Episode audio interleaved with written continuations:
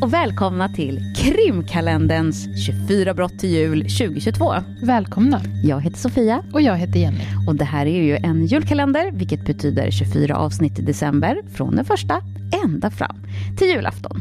Och vi har ju ett eh, Instagramkonto, krimkalendern, som jag tycker att ni absolut ska in och följa, för där kommer vi lägga upp liksom bilder som har med alla fall att göra, och där ligger även källor. Japp. Ni får gärna stötta oss genom att registrera er på vår Patreon-sida. Då får du ett bonusavsnitt per månad, de månader vi inte gör ordinarie avsnitt. Och just nu ligger det 19 avsnitt där. Och väntar på dig. Och väntar på dig. Ja.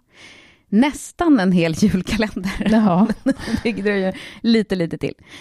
Um, idag är det Jenny som ska berätta. Jajamensan. Du, vad spännande. Och idag är det dags för dubbelavsnitt. Det kommer ett avsnitt idag och samma fall även imorgon.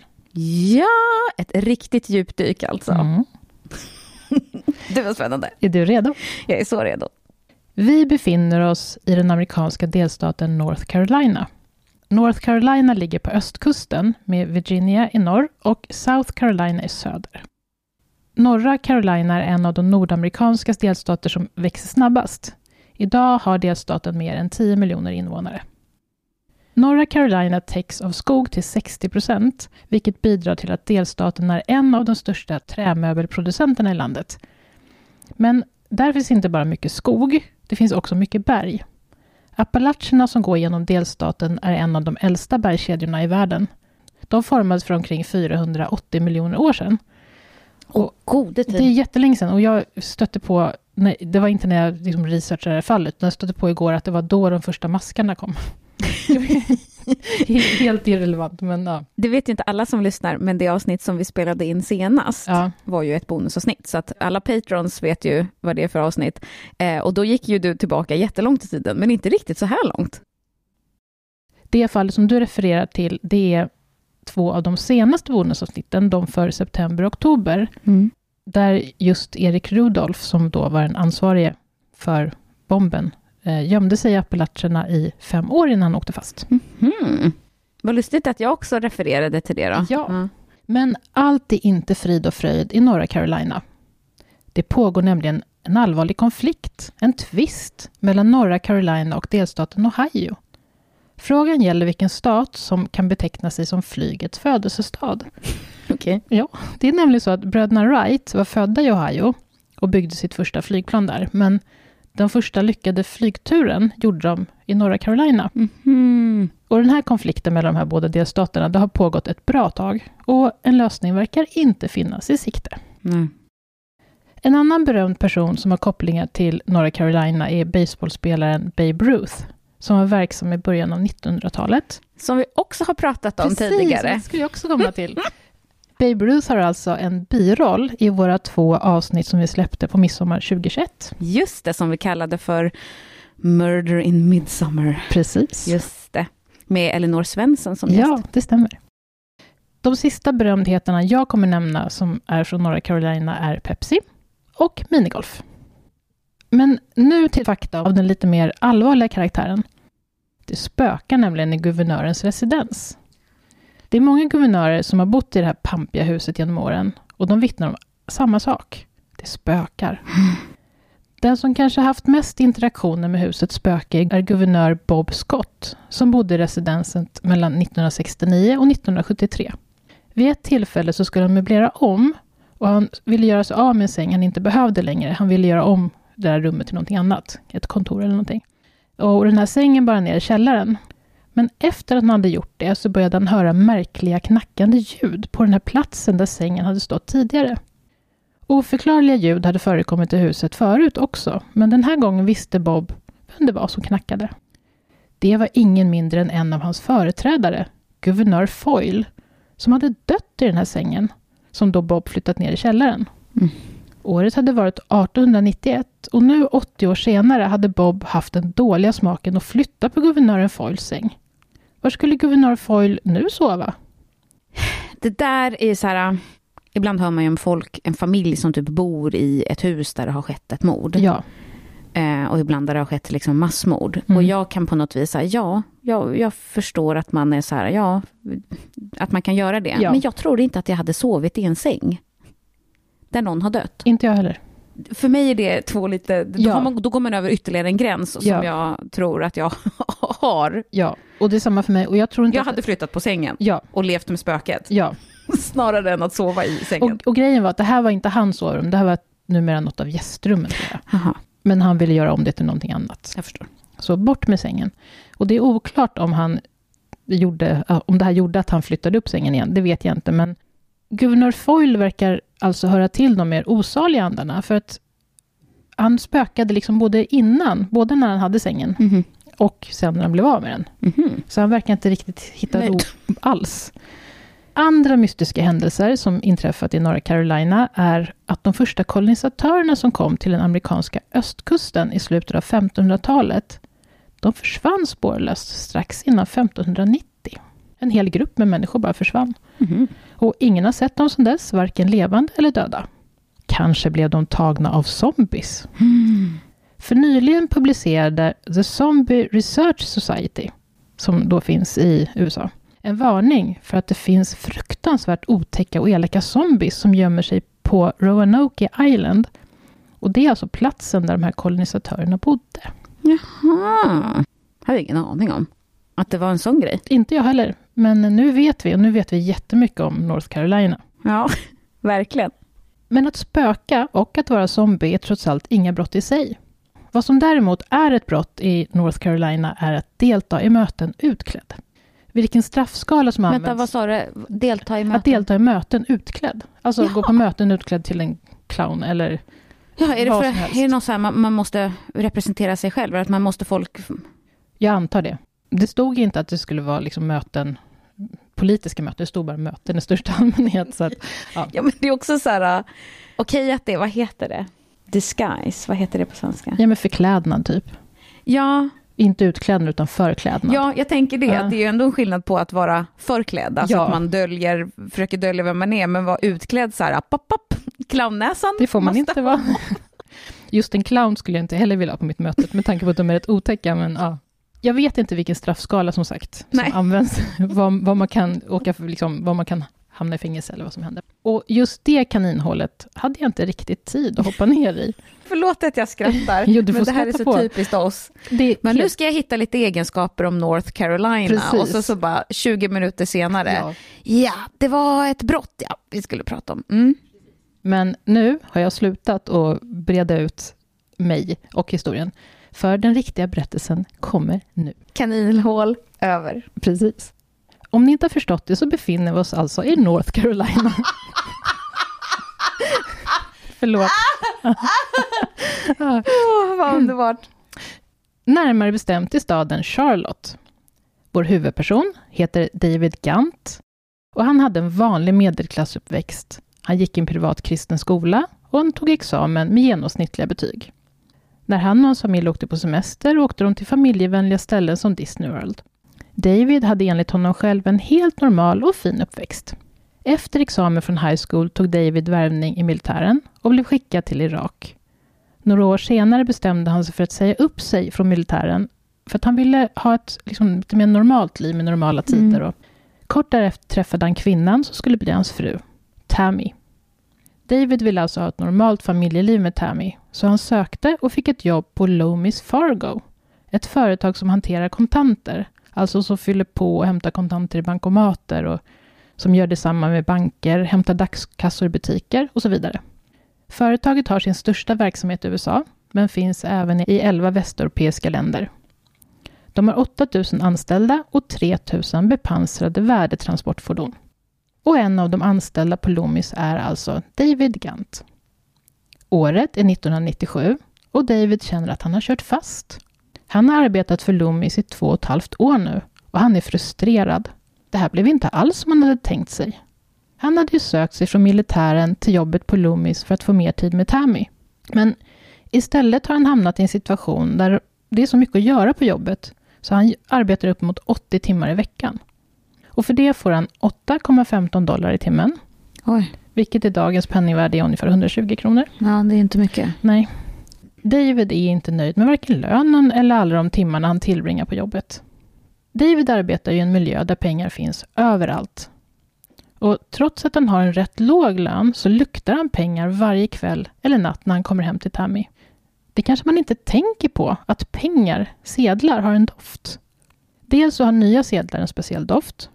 Dels har använda sedlar en eller flera andra dofter. Folk har hanterat pengar med sina händer. De kan lukta cigarettrök, av parfym, av smuts. Pengar kan dofta av lädret i en plånbok eller som ludd i någons ficka. Helt enkelt en potpurri av dofter som tillsammans bildar doften av cash. Det är kanske ingenting man tänker på när man som jag har en enda 20-sedel i plånboken just nu. Men när pengar ligger i buntar och travar överallt, som de då gör på Davids jobb, och dagarna går åt till att lyfta och flytta de här pengarna, då börjar man själv lykta förmöget. Trots att David är allt annat än just det. David och Tammy bor i en så kallad trailer park med vad man skulle kunna beskriva som stora husvagnar som står uppställda permanent i en park. Det är som mindre hus som kan beskrivas som mobila. De står alltså uppställda på marken, till exempel på sådana här timmerslipers. Just det. Så att de är som hus, men de har ingen liksom fast grund. Och i teorin skulle man alltså kunna flytta, flytta på dem till Mm. en annan plats, men jag tror inte att det händer särskilt ofta.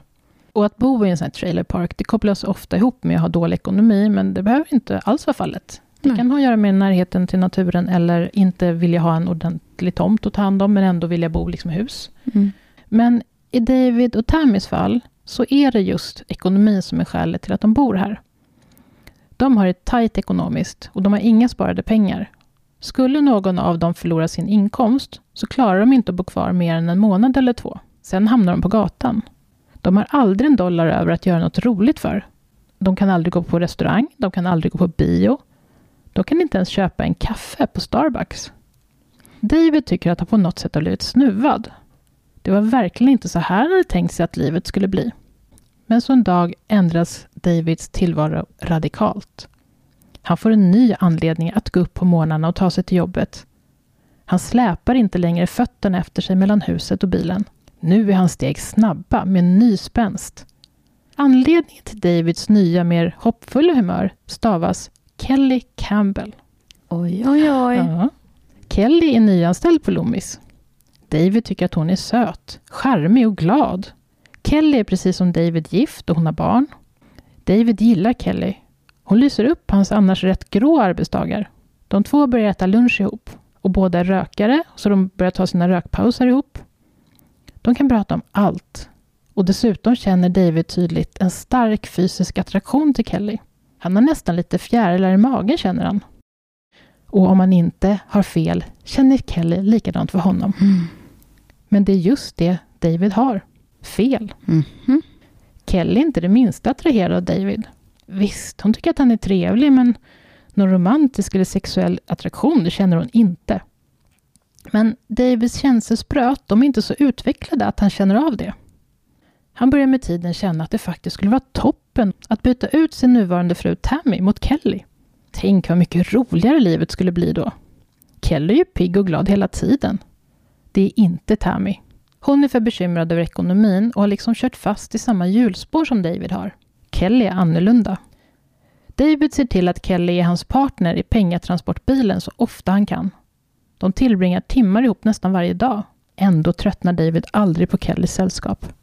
Men den spirande romansen, eller det som är romans från Davids sida i alla fall, får ett abrupt slut. Kelly bestämmer sig efter några månader för att byta jobb. David blir förtvivlad. En kväll strax efter att Kelly har slutat arbeta på Loomis är hon hembjuden till en man som heter Steven Chambers och hans fru Michelle. Kelly och Steven gick på high school tillsammans och sedan dess har de hållit kontakten. Steven och Michelle bor tillsammans med sina barn i en extra stor trailer, står det i mina källor. Mhm. Kelly har undrat inom sig hur de har råd med det. Varken Steven eller Michelle har någon fast anställning. Ibland får de lite ströjobb, men ofta är de båda arbetslösa. Kelly har anat att Steven och kanske Michelle också arbetar svart eller gör något annat illegalt. Kelly blir förvånad när de tre sitter med varsin öl framför sig och Steven lägger fram ett förslag som Kelly först tror är ett skämt. Vad sägs, säger Steven, om vi rånar din förra arbetsgivare, Loomis? Kelly har aldrig begått något brott. Jo, en gång när hon åkte fast för rattonykterhet, men annars ingenting. Hon är en, enligt henne själv, genomärlig person. Ändå kan hon inte låta bli att dagdrömma om att ha pengar.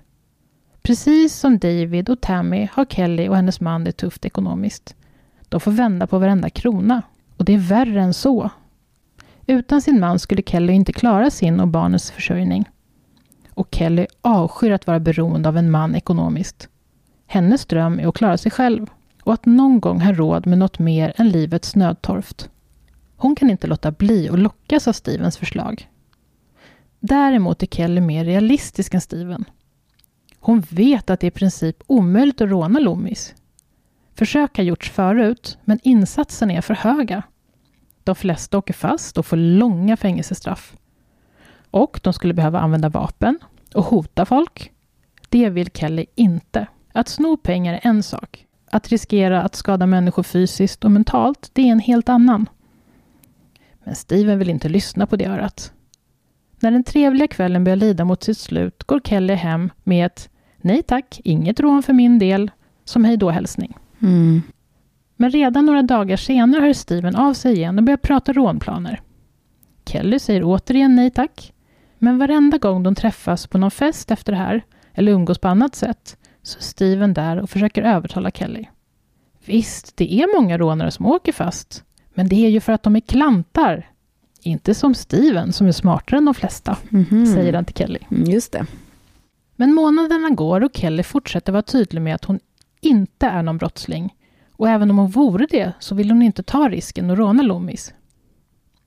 På Loomis går David runt och saknar sitt gamla liv. Sitt liv med Kelly. Nu är livet sådär grått och tråkigt igen. Men så kommer i alla fall en liten ljusning. Han blir befordrad till gruppchef. Nu är han ingen vanlig pengapackare och transportör längre. Nu får han lägga scheman, kontrollera leveranser och en massa andra ansvarsfulla uppgifter. Och den högre lönen, den kommer säkert komma någon gång, det är han säker på. Äntligen har det vänt, tänker David. Äntligen får han utdelning för sina 80 timmars veckor.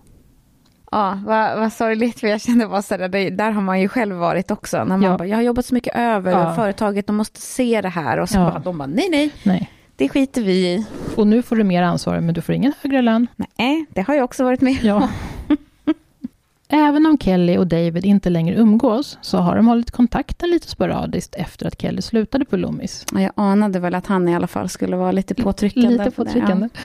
Det kanske mest är David som hållit kontakten. Ett av de bästa samtalen de har är när David stolt kan berätta om sin befordran. Kelly börjar fundera. All Stevens rånmarknadsföring har liksom snurrat runt i hennes bakhuvud sedan han tog upp det första gången, även om hon har tackat nej. Det har processats där och utan att Kelly har märkt det så har han börjat bli lite mindre negativt inställd. Det vore faktiskt skönt att äntligen få lite bättre ekonomi. Kelly börjar släppa tankarna på den moraliska aspekten. Men rädslan för riskerna är fortfarande för stor för att hon ska våga ta steget. Men när David berättar om sin befordran börjar tankarna snurra. Tänk om... Kelly ringer upp Steven och berättar om David. Hennes före detta kollega som nu blivit ett av de högsta hönsen på den lokala Loomisdepån. Och inte nog med det. David är både tänd på och förälskad i henne, berättar Kelly för Steven. Hon skulle kunna linda honom om sitt lillfinger om hon ville. Steven sitter med spetsade öron. Det här är ju fantastiskt. De har någon på insidan som dessutom har en chefsroll och som Kelly säger sig i princip kunna radiostyra med hjälp av sin kärleksutstrålning. Men alltså, har Steven haft någon plan kring hur det här ska gå till? Eller tycker han bara att där finns det pengar, där, det borde vi råna? Eh, han har en plan. Mhm. Den är än så länge ganska luddig tror jag, men vi kommer till det. Ja, jag fattar. För det var ju det jag tänkte, så här, innefattade den planen han hade en insiderperson? Nej, Eller, Så verkar det inte ha varit. Nej, utan det är bara... Nu kom den chans liksom som han tycker låter jättebra, men det verkar inte vara någonting han har tänkt på. Nej, Han verkar väl mer ha varit inne på att liksom råna med vapen, vapen. och så. Ja, jag fattar. Mm. Nu är i alla fall Kelly äntligen på banan. Alltså äntligen då man ser det hela ur ett skurkperspektiv. Steven är exalterad. Han, hans fru Michelle och Kelly gör upp en plan. Varefter Kelly ringer till David. Hon flörtar och smickrar. Berättar hur mycket hon saknat David sedan hon slutade på Loomis. Hon antyder utan att vara särskilt diskret att hon har varit tänd på David sedan första dagen hon såg honom. De två hade ju någonting speciellt ihop. Tänk om det de hade var så stort att det skulle kunna bli de två för alltid. Kelly berättar för David om Steven och Michelle. Hon berättar om tankarna på rånet. Hon säger att David behöver inte göra någonting alls. Steven och Michelle kan planera allt. Den enda lilla sak David behöver göra är att utföra själva rånet. Okej. Du behöver inte göra någonting. Nej, Bara hela rånet. Ja. Och trots sin förtjusning över att Kelly vill ha honom är David fundersam. Visst, han har funderat på hur det skulle vara att kunna betala av alla sina kreditkortsskulder som annars skulle ta tiotals år att betala av i den takten han betalar av dem just nu. Och han har precis som alla andra på Loomis skämtat om att tänk om vi skulle ta famnen full av pengar och bara dra. Ett rån av Loomis skulle ju också betyda att han fick träffa Kelly igen. De skulle kunna börja sina nya liv tillsammans snabbt när de väl hade kommit över pengarna. De skulle kunna skilja sig från sina respektive makar och sen börja om på nytt. Någon annanstans, tillsammans. Davids tvekan blir inte långvarig. Amor vinci omnia. Kärleken övervinner allt. Ah, han ringer tillbaka till Kelly. Ja, ja, ja, de ska göra det. Sen kommer de kunna vara tillsammans för alltid. Kelly håller med. Hurra, lever kärleken. Nu är det dags att börja planera. Steven, Michelle och Kelly har ju redan en grov plan, men de behöver David också. Kelly och David behöver ses. Och de behöver ses någonstans där ingen ser dem tillsammans. Ingen ska kunna misstänka någonting. Det här ska göras på ett felfritt sätt. Som ett rånens facit. Så Kelly och David bestämmer sig för att träffas långt in i en skog en bit ifrån Loomisdepån. Planen som gänget sätter ihop ser i grova drag ut så här. Den Loomis-depå där David arbetar har ett genomsnittligt lager på mellan 15 och 20 miljoner dollar varje dag. När David är ensam på jobbet, till exempel precis innan stängning, ska han enligt planen larma av alla säkerhetsfunktioner, vilket han får. Och efter det är det dags att lasta in så mycket pengar som får plats i en av värdetransportbilarna. Och sen köra därifrån med pengarna. Enkelt. Men David är rädd för att den här metoden kommer medföra risk att polisen kommer förstå att David är den som snott pengarna. Ja, det var ju lite det jag tänkte. Lite så. Nu var det här, vad sa du, 1997? Ja, Så att frågan är ju liksom vad de har för system som, som, som känner av vem det är, vems kort det är som... Precis. Eller är det en fysisk nyckel? det är fysiska nycklar, men jag återkommer till... eh, Mhm, mhm. För som sagt, Steven och Kelly, de ska inte vara med under själva rånet. De kommer vänta en bit bort. Och David ska möta upp dem med den fullpackade värdetransporten. Men det där med att polisen direkt kommer veta att det är David som är den skyldige, det är inga problem, säger både Kelly och Steven. Eller i själva verket så är det Kelly som går igenom allt det här med David.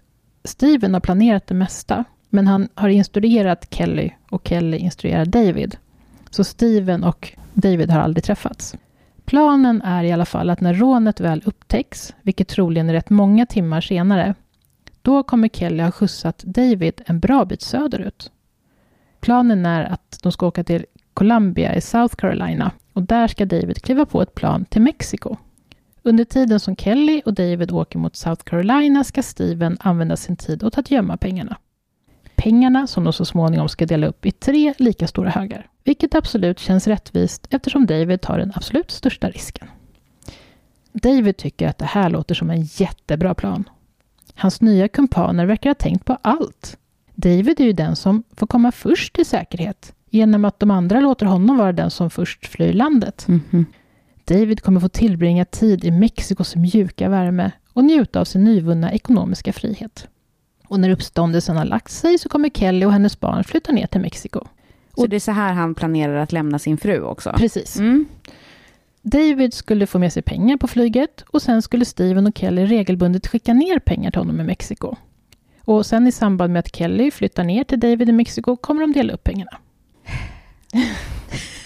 Du ser förväntansfull ut Sofia. jag känner bara så här, don't do it. Nej, Nej. Jag, jag hör att han, eh, han lever lite i en drömvärld. Lite så. Mm. Kelly själv kommer inte behöva fly när hon väl flyttar till David i Mexiko. För ingen kommer misstänka henne för någonting. Det finns ingen anledning att misstänka henne. Den enda koppling hon har till Loomis, det är ju att hon tidigare varit anställd där under en kort period. Och det är det många som har varit. Möjligen skulle Kellys man bli både ledsen, arg och förtvivlad. Men, men. David och Kelly skulle i alla fall leva lyckliga alla sina dagar. Och Kelly tänker likadant som David. Efter rånet ska hon leva lycklig i alla sina dagar. Men inte med David. Nej, usch nej. Han är inte hennes typ. Att flytta till Mexiko är inte heller någonting hon är särskilt sugen på. Nej, hon åker gärna till Mexiko på semester, men inte mer än så. Med pengarna hon snart kommer ha kommer hon kunna åka på semester hela tiden, till olika platser. En pool ska hon också bygga på tomten, har hon bestämt. Hennes man kommer bli jätteglad. Mm. Men naturligtvis kan hon inte berätta någonting om det här för David. Då kommer han ju hoppa av rånet och det får inte hända. Kelly och David träffas flera gånger för att planera alla detaljer. Varje gång är skogen deras mötesplats. Och till slut är det dags. Inte för rånet, utan för det David längtat efter mer än någonting annat. Kelly och han kysser varandra för första gången. För David är det himlastormande. Han vill ha mer, men Kelly säger att de måste vänta. De måste fokusera på rånet nu. För Kelly räckte det mer än väl med en kyss. Ja, jag tänkte just det att, eh, ja, att om man nu ska hålla honom i tron om att, att det är någonting på G mellan de två, så ja, vad illa. Det här är ju lite, ett lite skrattigt fall, men det är ju rätt tragiskt vad de gör mot honom. Ja, nej, jag tycker jättesynd om honom. Det är en sån där film som jag hade hatat att se. Ja, och det finns människor. en film. Ja. Jag gör det det? Ja, det finns en film. Jag gillar inte att se sådana filmer när nej. det är människor som det bara är så här synd om. Ja.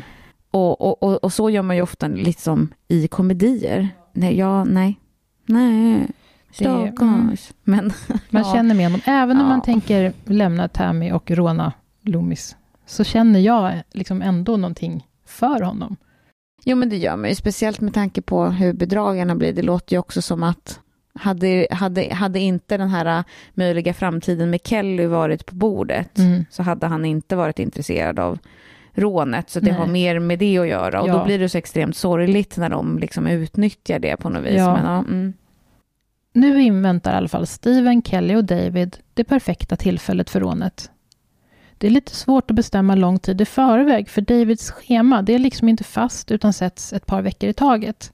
Men så kommer dagen då David hamnar på listan över de som ska arbeta helg. Och att arbeta helg är perfekt när man ska utföra ett rån, för då är personalstyrkan betydligt mindre. De tre bestämmer, eller det kanske egentligen är mer Steven och Kelly som bestämmer, att David ska råna Loomis lördagen den 4 oktober 1997. Och enligt vad David själv har sagt efteråt så lyssnade han på musik i bilen på vägen till jobbet. Och en av låtarna som spelades var Take the money and run mm. med The Steve Miller Band från 1976. Så passande. Japp. Det är tecken. Precis vad David säger, det är tecken. Det är ödet att rånet ska ske just idag. Och det kommer att gå bra. Tänk om man hade tänkt så om alla låtar man hör på radio. Eller hur? Man kan ju hitta tecken i allt. Och det gör David. Och han känner att han är redo. Han är nykysst och laddad. Men direkt David kommer till jobbet möts han av vad som skulle kunna vara en motgång. Det är en helt nyanställd person på plats den här lördagen och David är tydligen utsedd att vara hans handledare. Det var information som David inte hade fått i förväg. Den nyanställde kommer alltså följa David i hasorna var han än går. David kommer inte få en minut för sig själv för att fokusera mentalt och göra de förberedelser som är bra att göra så snabbt som möjligt när man ska råna. En halvtimme senare än normalt på kvällen så hade de fått in den sista pengatransportbilen i depån. David tackar den nyanställde och säger att, att han gjort ett bra jobb idag. Det är helt okej okay att gå för dagen. David skulle göra det sista och låsa. Den nyanställde nickar tacksamt. Det har varit en lång dag och sluta några minuter tidigare låter mer än okej. Okay. Så nu är det dags att börja råna. David börjar med att larma av överallt. Sen är det dags att flytta pengarna från valvet till det bepansrade transportfordonet. David har kört fram det största fordonet Loomis har, så nära valvet han kan. Han är tvungen att skynda på lite. 17,2 miljoner dollar ska flyttas. Ja, det är så mycket pengar. Japp. Det här är 17,2 miljoner i omärkta, alltså icke spårbara sedlar, vilket ju är en fördel. En minst sagt stor mängd pengar. Och inte blir det bättre av att pengarna ligger i stora lådor och är hårt ihopbuntade med tjock plastfolie för att göra pengarna lättare att hantera. Vad det innebär är att det är lättare för en maskin eller ett fordon, typ en gaffeltruck, att hantera pengarna. Det innebär verkligen inte att det är lättare för en människa att flytta pengarna. Mhm. Snarare tvärtom. Och inte blir det bättre när David inser att majoriteten av sedlarna är 20 dollars sedlar istället för större valörer som till exempel 50 dollar. Det hade ju mer än halverat volymen och vikten som behövde flyttas från vall till transport. Men 11 miljoner av de 17,2 miljonerna består av just 20 dollars sedlar. Mm. David är snart helt utmattad. Totalt väger pengarna som ska flyttas 1,3 ton. det är Det är så ofattbart, men Och det här gör han alltså för hand? Ja. Men David kan inte backa nu. Han har ju redan påbörjat jobbet. Dessutom står ju Steven och Kelly en bit bort utanför Loomis. Redo att möta upp David när han kommer ut från det inhägnade området körandes värdetransporten. Snart är det bara de tre och pengarna. Men nej, nu har de tre personerna helt plötsligt blivit fem. Steven har, utan att berätta det för Kelly och David, tagit med sig två ytterligare personer. Hans kusin Scott och hans gamla high school-polare Erik. Och de är alla stressade. Vad gör David där inne egentligen? Blir han aldrig klar? Kelly ringer David gång på gång och frågar hur det går. David är tvungen att avbryta lastningen varje gång, men svarar tålmodigt med svetten rinnande att han snart är klar. Och frågan är varför Kelly ringer och ringer. För David är faktiskt snabb. En timme senare har han packat transporten klar. Han har alltså flyttat 1,3 ton sedlar själv på en timme. Helt otro- ja. Ja. Eh, David larmar valvet igen, men med ett speciellt tidslås. Han ställer in det så att valvet inte ska kunna öppnas förrän om fem dagar. Självklart kommer säkerhetspersonalen på Loomis, kanske med hjälp av polisen, få upp valvet innan de här fem dagarna gått. Men en viss fördröjning kommer det nog att ge, tänker David. David har dessutom ett annat S i rockärmen. Han har nämligen alla nycklar till valvet och de tänker han ta med sig därifrån. Det här låter ju helt galet, kan jag Han tycka. har alla nycklar. Ja, att en av de anställda har den enda möjligheten att låsa upp valvet. Men ja, Ja, det låter verkligen... Mm. nästa steg är att gå till säkerhetsavdelningen. Där finns övervakningskamerorna som Mhm. vi pratade om var det fanns. David har full koll. Det vore förstås katastrof att missa en sån sak. För polisen kommer ju troligen förstå att det är han, David, som har begått rånet, eller i alla fall misstänka det. Men om det inte finns några övervakningsfilmer så kan de ju inte vara säkra. Kanske skulle de tro att David hade blivit tvingad att öppna valvet under vapenhot och sen blivit kidnappad. David tar båda banden ur övervakningskamerorna och stoppar in dem i bilen. Sen kliver han upp i förarsätet, sätter på sig bältet och kör ut genom grindarna. De har lyckats. Rånet har verkligen lyckats. En bit därifrån plockar han upp Kelly, Steven, Scott och Eric. Anledningen till att Steven tagit med Scott och Eric, förklarar han, är för att han behöver hjälp att hantera alla pengarna. Han kan ju inte göra det här ensam. Det är förstås alldeles för tungt, säger Steven. Vadå då? Ja. David klarade det där. Precis. Men det nämner inte Steven varken med tack eller en high five. För sin insats ska Scott och Eric tydligen få 100 000 dollar var. Nu kan alla pusta ut lite. Nu är den mest kritiska delen av planen klar. Men de har fortfarande bråttom. David måste ut ur landet och rånbytet måste gömmas. Steven lämnar över 50 000 dollar till David inför resan. Det kommer han klara sig på i Mexiko rätt länge, tills de kan skicka ner pengar till honom. Kelly och David hoppar in i Kellys bil och ger sig iväg mot flygplatsen. Det är några timmar att köra. Äntligen får de vara ensamma igen. Men de behöver fokusera på att komma fram så snabbt som möjligt. Till Kellys lättnad finns inte tid för varken kyssar eller någonting mer. Men snart uppstår ett problem. David som har skött sitt uppdrag till punkt och pricka har glömt en viktig punkt. Han har inte med sig någonting att bära de här 50 000 dollarna med. Han hade ju trott att han bara behövde fokusera på själva råndetaljerna. Det var ju för sig det de sa också. Ja, eller hur? Ja, men en väska till att bära cash. Ja, Ja, mm. Nej. Men Kelly är snabbtänkt. De svänger in på en mack och Kelly går in och köper ett par nylonstrumpbyxor. I strumpbyxorna tycker de in sedlarna så att David ska kunna använda konstruktionen som en slags hemmagjord midjeväska. Mm. För det här var ju 1997 och säkerhetskontrollerna på flygplatserna de var ju inte riktigt likadana som de är idag. Risken att David skulle bli kroppsvisiterad var inte särskilt stor. Men den här lösningen med nylonstrumpbyxorna, den är inte perfekt den heller. För alla pengarna får inte plats. Nej. Nej, det är faktiskt bara hälften som ryms i strumpbyxorna. 25 000 dollar. Men David tappar inte modet för det. Kelly och Steven kommer ju skicka pengar till honom snart. 25 000 kommer vara mer än nog att klara sig på ett tag. Mexiko är ju dessutom ett billigt land, tänker David. De fortsätter att köra och till slut är de framme vid Columbia Metropolitan Airport. Att de har valt den här flygplatsen och inte den lite större och närmare flygplatsen i Charlotte är för att de är rädda att polisen kommer att leta på den närmaste flygplatsen först. Mm. Även om de troligen har rätt många timmars försprång så är det alltid bättre att ta det säkra för det osäkra. På Columbia-flygplatsen är planen att David ska köpa en biljett till semesterparadiset Cancun och några timmar senare landa i Mexiko. Men när de kommer fram till flygplatsen inser Kelly och David att det har uppstått ett problem igen. Det går nämligen inga internationella flyg från Columbia-flygplatsen.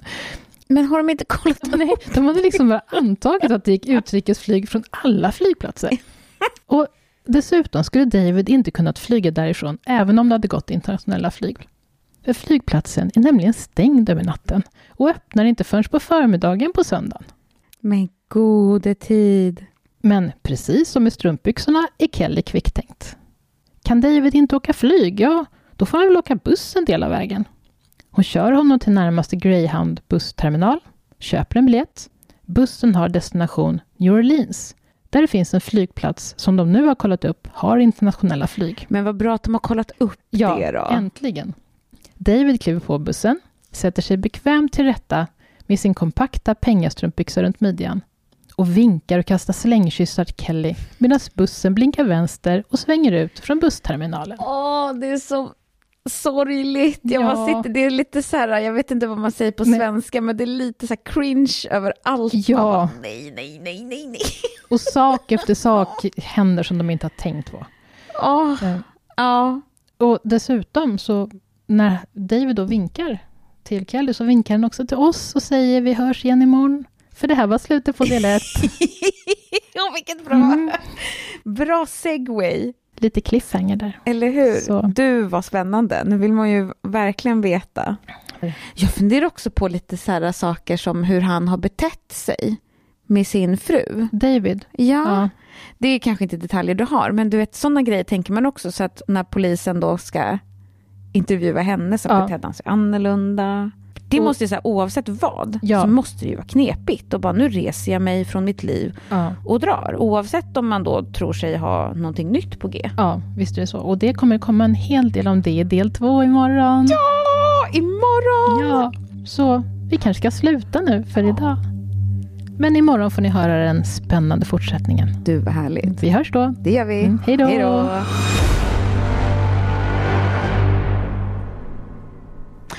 På vårt Instagramkonto, krimkalendern, eh, ska ni... Jag tar om det.